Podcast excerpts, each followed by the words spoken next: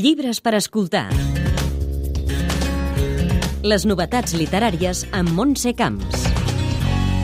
Després de l'èxit de la novel·la Atrapa la llebre, l'escriptora d'origen iugoslau Lana Bastasic publica Dents de llet, un commovedor recull de contes que explora els efectes de la guerra, en aquest cas la dels Balcans, a través dels nens que la van viure. Hem parlat amb l'autora, que va viure set anys a Barcelona. Em va costar força temps escanyar el papa, i això que era un home escanyolit, fins i tot malaltís.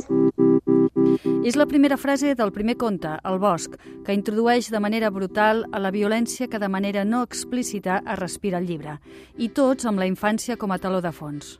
Per a mi, eh, aquesta violència implícita que tu has dit i aquesta violència de coses dites però també coses no dites que a vegades eh, és encara més important dins, d'una família, eh, crear una, una mena d'incomoditat dins d'aquestes uh, persones petites um, i com encara no tenen uh, prou llenguatge per expressar-ho, a vegades coses surten de manera violenta, de, de, manera, de manera brutal.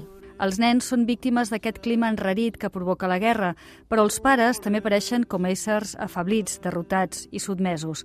Retrata així els homes i dones que van viure el conflicte com a progenitors. Ells eh, ho van patir molt perquè, clar, van caure tots els somnis que tenien de la vida normal, no? I doncs, eh, quan tenien fills, a vegades de, de pensar de fer-ho bé i com criar un nen, etc., havien de pensar de coses existencials, no? I això, clar, resulta en moltes traumes entre generacions. Per això sempre dic que la guerra continua després de la guerra no? que, que es queda algo i encara la generació que no ha viscut la guerra encara està patint les conseqüències.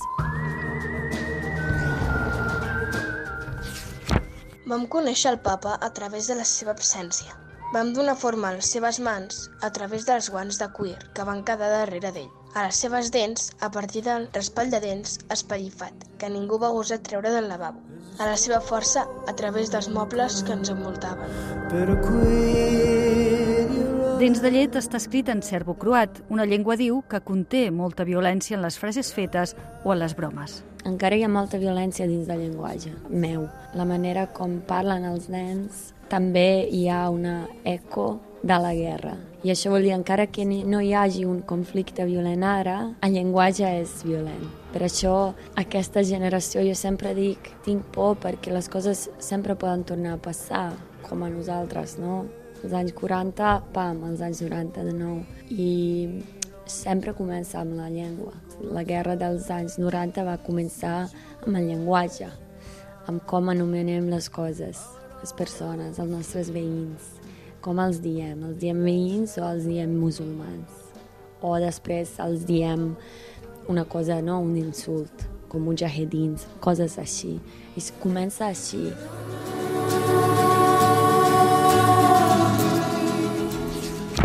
La mama fa olor d'empanada de lliri de maig. No existeix l'empanada de lliri de maig però si existís faria la mateixa olor que la mama, mig de ceba, mig de flor.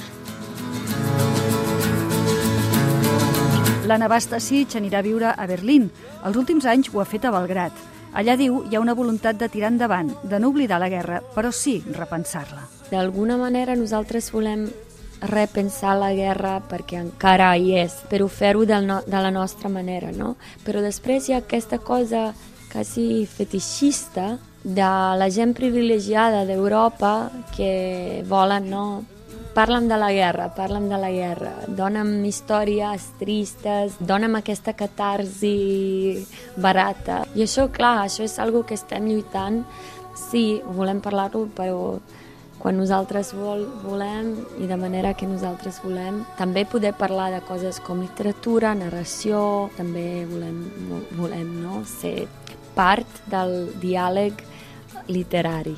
Pau Sánchez Ferrer ha traduït al català aquest recull de contes Corprenedor que ha publicat l'editorial Periscopi, que ja va editar Atrapa la llebre, traduïda a 20 països i que fa dos anys va guanyar el Premi de Literatura de la Unió Europea.